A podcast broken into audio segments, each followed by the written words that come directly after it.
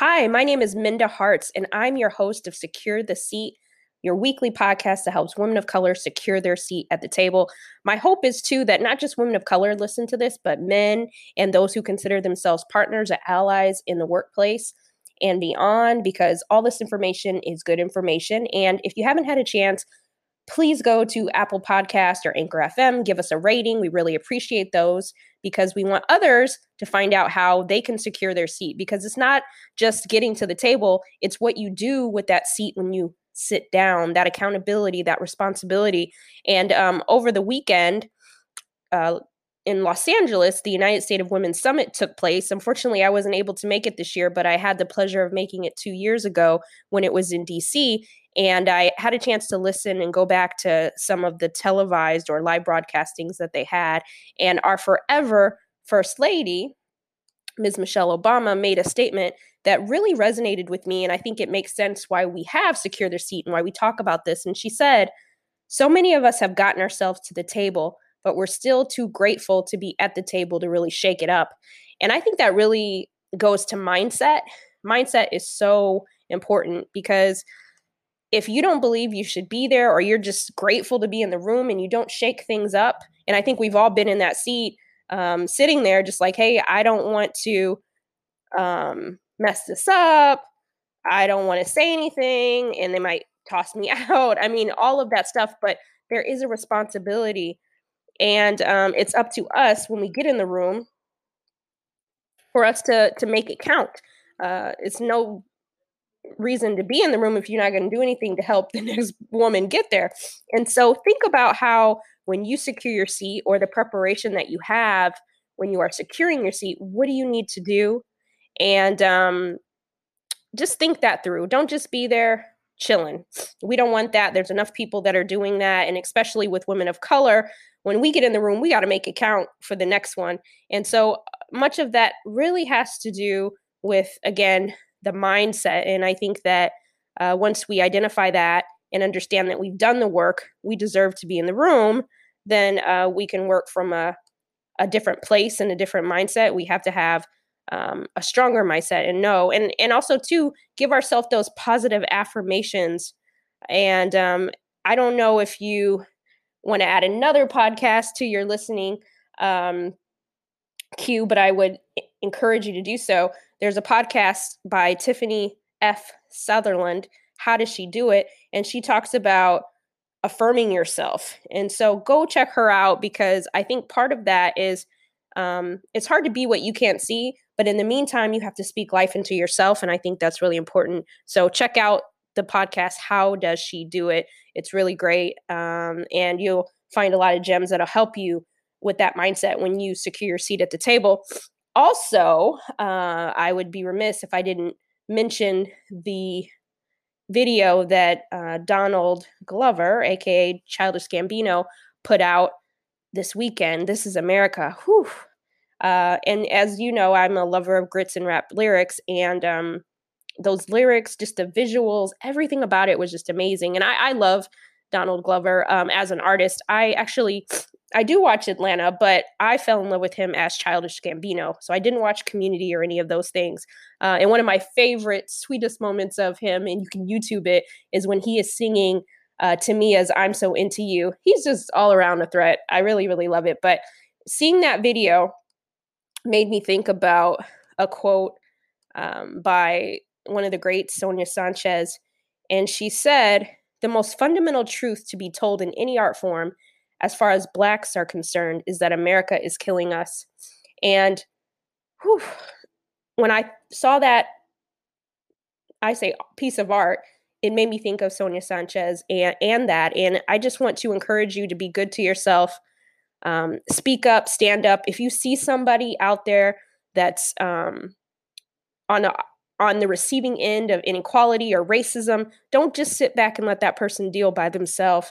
Be an advocate, uh, be there. I had a situation two weeks ago where I was at a nail shop and make this story short and sweet. Uh, but there was a situation where one of the uh, Asian nail techs was blatantly disrespecting one of the black women in there, called her stupid and a bunch of other names. And the salon, it was my first time getting my nails done there and um, it was full of black women, and nobody said anything. And after a while, I just stood up and I'm like, "Hey, this is not okay. You know, you." Make money off of tons of black women in the salon. You need to show some respect. And typically that is so not my personality. It's definitely not my personality. You know i just was like oh, i want to get my nails done get out of here. But i could not let that sister re- be on the receiving end of that. There's too much going on in this country right now and we can't just sit and let it happen. We have to speak up. And, um, you know, I was nervous about doing it, but somebody had to. We are our sister's keeper, and don't forget about that. And so, um, and and we get to do that because you'd want somebody to do that for you if you found yourself in a situation like that. And so today, I know that was a little heavy, but today I'm really excited about our episode. Uh, we're talking about the gig economy, and I know it's a real hot buzzword right now because a lot of us want to work for ourselves or we're contractors uh, or freelancers. Uh, we're going to talk with, oh, I, I just really adore this woman. She's so great. She is the CEO of a company called Skill Scout, and you can go check them out at skillscout.com. Elena Valentine is the CEO. She's a community organizer, visual storyteller, and audio engineer by trade. Elena is just all around bad mama jamma. And um, I really respect the work that her and her team are doing at Skill Scout. And I think you'll find a lot of gems in what she has to say about how companies can have better relationships with freelancers and the kind of mindset that as a freelancer you need uh, to partner with companies. And she um, helped me get my life and changing my language in terms of what freelancers look like how they can be colleagues inside of our companies as well. We don't have to label them as freelancers. So, without further ado, check out uh, today's episode with Elena Valentine.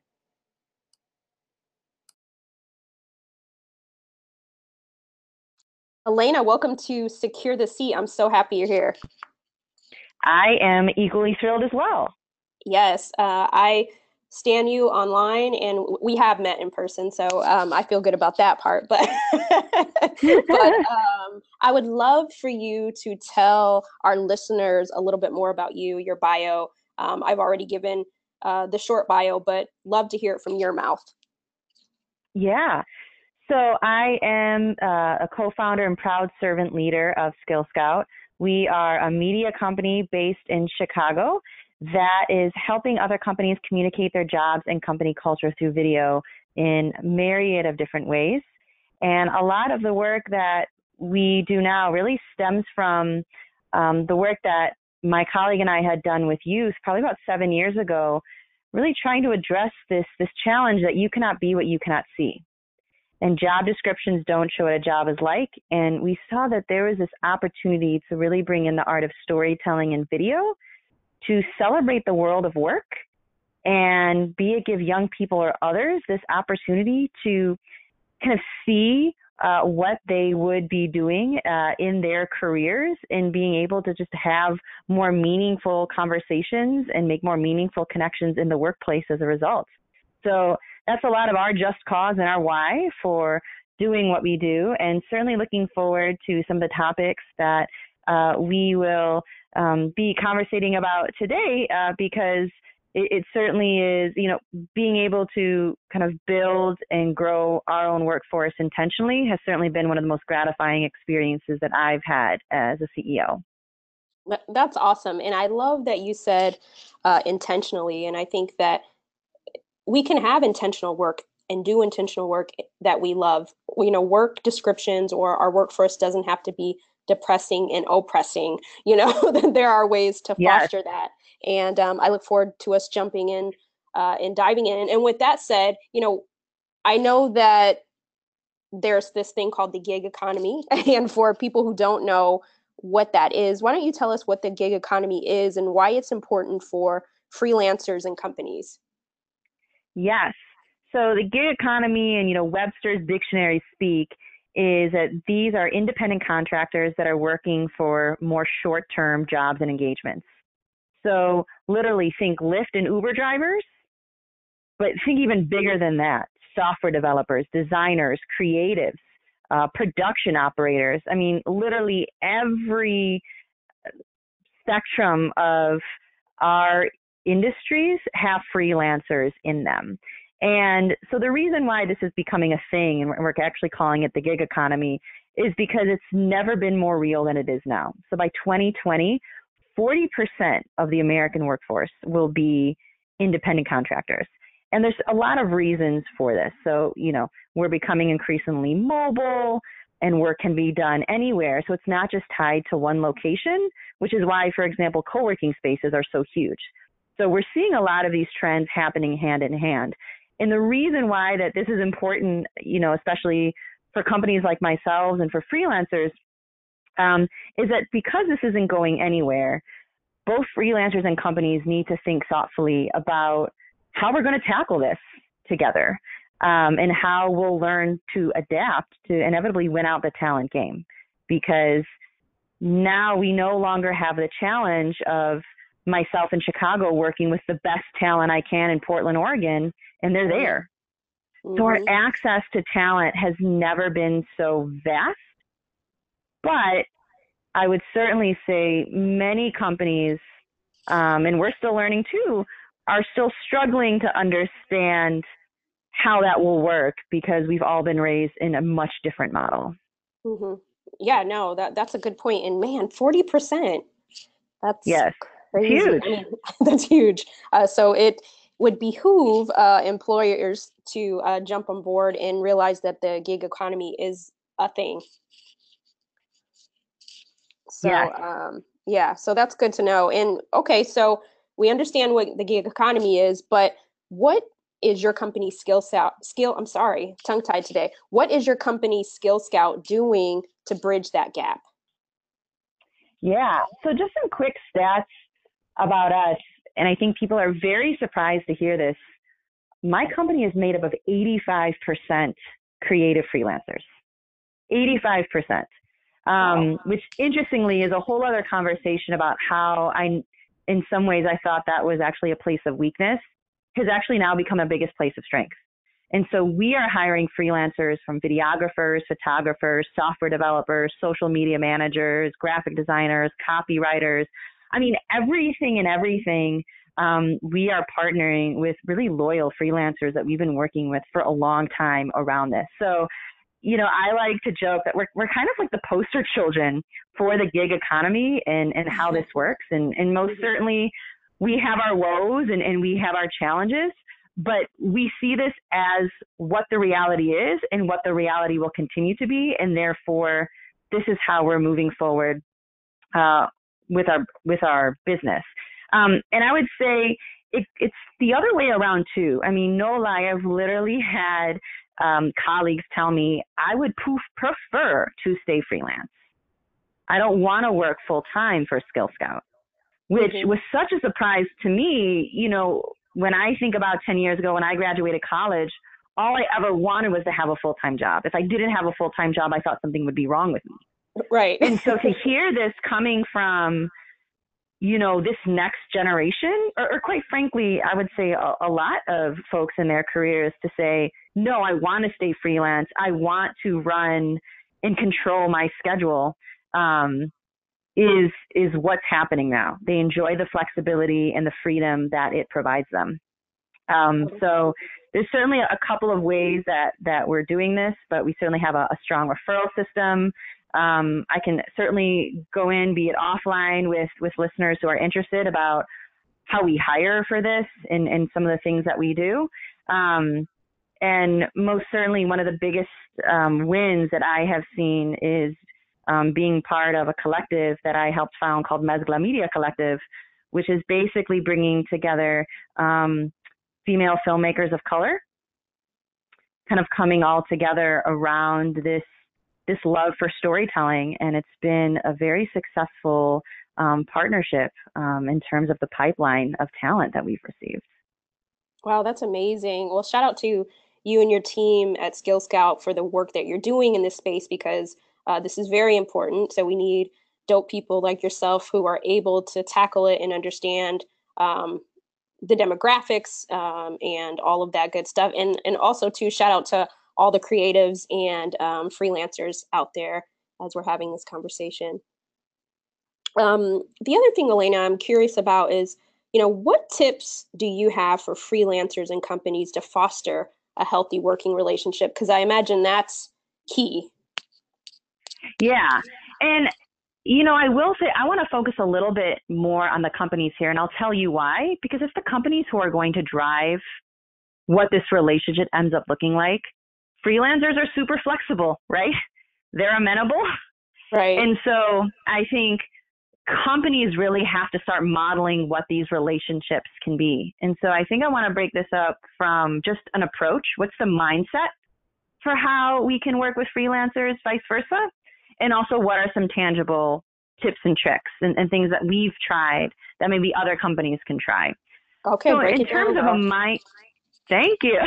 So, in terms of just like mindset, a couple of things. One is we see our freelancers as true colleagues, period right? Just because they're not technically full time doesn't mean that they're not going to be with my company for a very long time or working on several short term projects for a very long time.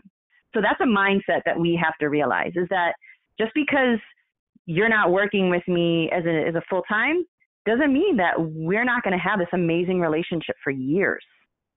Um, the other thing that really hit me a couple of weeks ago, someone said this to me that it's about the retention of the relationship, not the role. Ooh, that's good. And that was huge for me.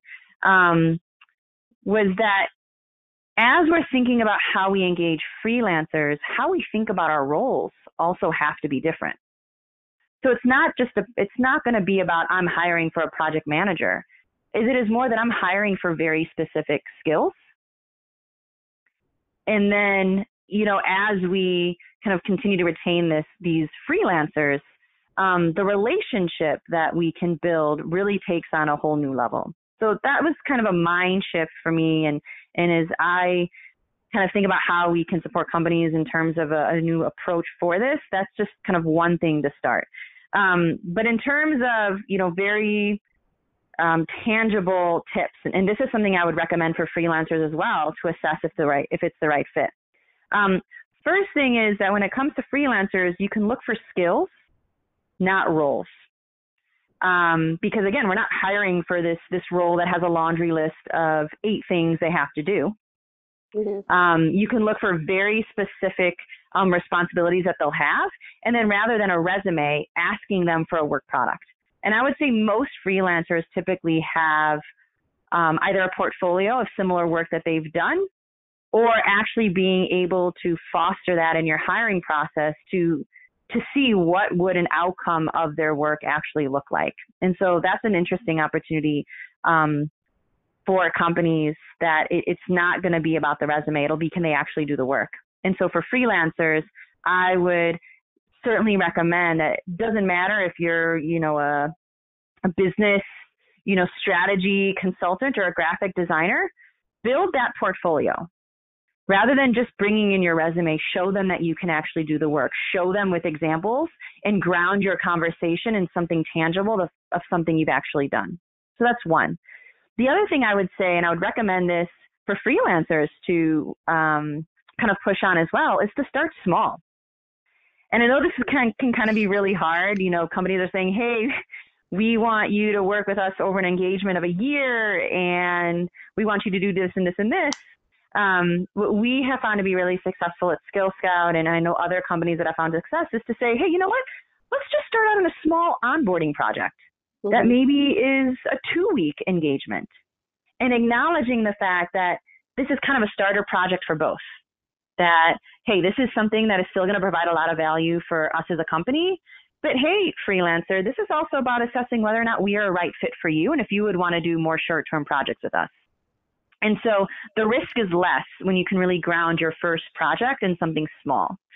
Um, the other thing I would say is, you know, again, because we're not focused on, you know, these vast roles, mm-hmm. um, we have found a lot of success on, on really focusing on how we leverage the strengths of our freelancers and not their weaknesses.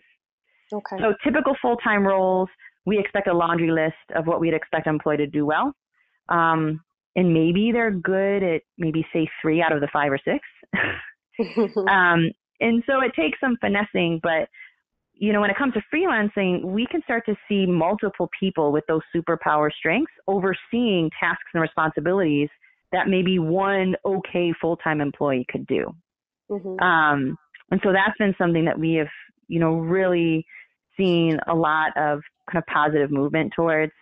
Um, couple of other things. Um, we invest in our freelancers as we would an employee. So training, um, giving space for experiments. So an example is we really wanted to build out our 360 video offering and, you know, really brought in some experts to help train our freelance team in helping us support to do that. Um, and I think, you know, the, I would say one of the, the big ones that we've also done is just respecting their outside commitments and learning from their outside commitments and projects that they've done. Um, and this can be really hard because everyone hates to think, oh, you know, so you're only working with me for this much because you're working for others.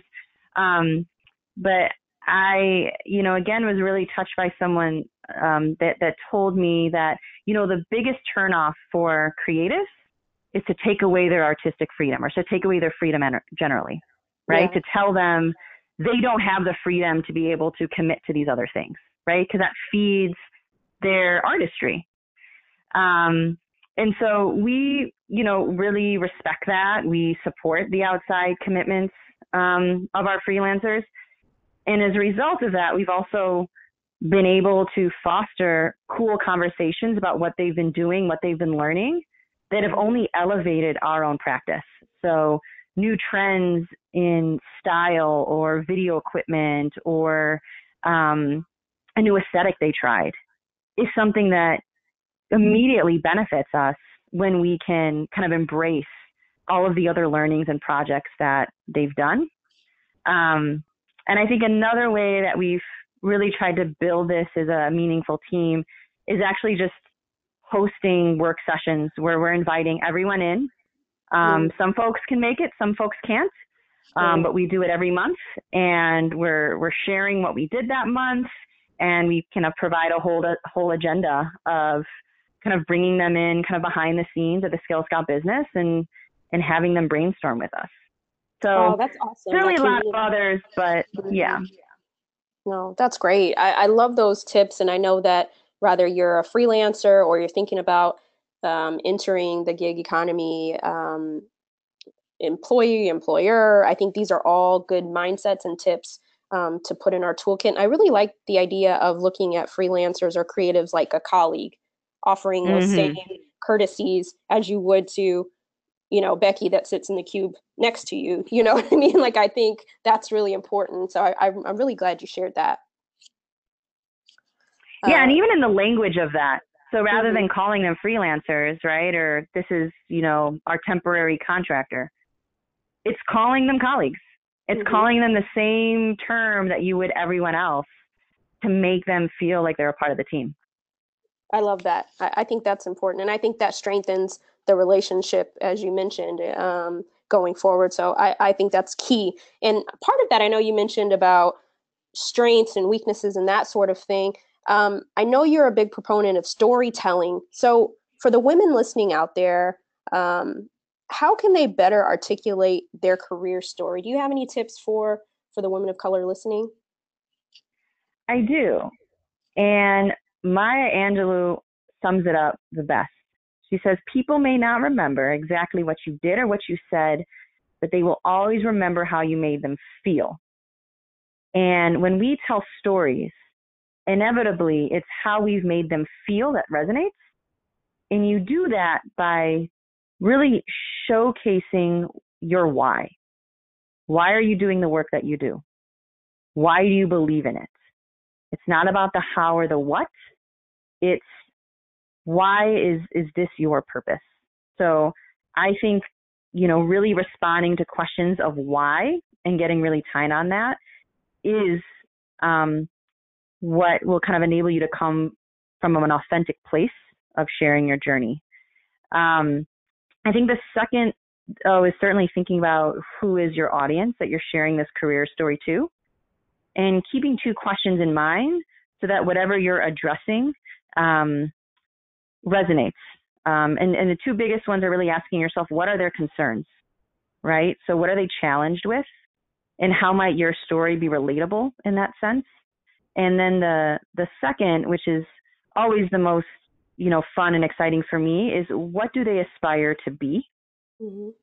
And how does your story um, symbolize something aspirational that that person on the other end um, will be able to relate to. And then I think my my last tip will be not to shy away from the sucky and unpolished unpolished parts of your journey, because humans relate to other humans, right? Um, yeah. We we relate to the struggle, and so you know, yes, we'd all like to think that Beyonce just you know wakes up out of bed looking as fresh as she does, but there's a lot of hard work that's gone into that um, and being upfront with that um, really helps people connect to you. Yeah. So it sounds like you're saying it's okay to be vulnerable in that oh, story. Oh, yes, very much so. Yeah, no, those are great tips. I was over as you were t- telling them if I had like a church fan, I was like waving it because it was just like these are the things. these are the things we need uh, in our toolkit to help us tell our story. And I think the Maya Angelou quote was on on par because uh, it's how you do make people feel. That's how that's the story you remember, right? When you connect with it. Yes. Yes. I love that. I love that. And also too thinking about our new colleagues in the gig, gig economy or, or just thinking about ourselves and our next steps if we're looking for employment, et cetera, making a career transition. What does fostering independence and growth mean to you in the role you play in helping people find the job they love. I know you touched on it a little bit. Yeah, this is the most gratifying thing I've ever done as a leader. I've realized that the biggest impact I can make as a leader is not on what Skill Scout can do for other companies. It's the impact that I can make on the people who are coming into our organization um, and being able to partner with them, provide them a great experience, and pay them to do it, right? Not just mentor them, give them a pat on the back, but to say, I want to foster your own economic growth, financial independency, uh, your ability to continue to pursue your passions by working with us. Yes. Um, so, you know, fostering independence and growth has taken on a whole new meaning for me when I realized that that that's the ripple effect that we can have um, on the people we work with. I love that uh, all those keys, and I think that's important. Like sometimes you don't think about the impact that we could make on on people in their in the work environment. Or I know I was reading some article earlier this week, and it was saying that how a bad boss can make people sick. You know, it affects their health, and and and some of that is how we're fostering our relationships, right? And allowing people to grow. So I think it's important for us to to hone in on those things as a leader or a manager. Yes. Yes. Because yeah. it's what helps to humanize and individualize the experience. Mm-hmm. People don't work for companies and brands, they work for other people. And that's right. what we have to realize as leaders and you know, and whether you're a freelancer or full-time employee. Yeah, no, that's great. I, I love this. I love this. Where can our listeners connect with you at? Because I know they're going to have questions or want to connect. Yeah. Or companies who want to work with you that that need your help. Where can they find you? Yes. Um, well, certainly any of the listeners of, of my weekly memo to yourself, they're my friends too. So uh, yes. Elena at skillscout.me. Of course, you can find me on the LinkedIn's, the, you know, the Twitters, etc. Um, pretty easy to find me. Companies, same way.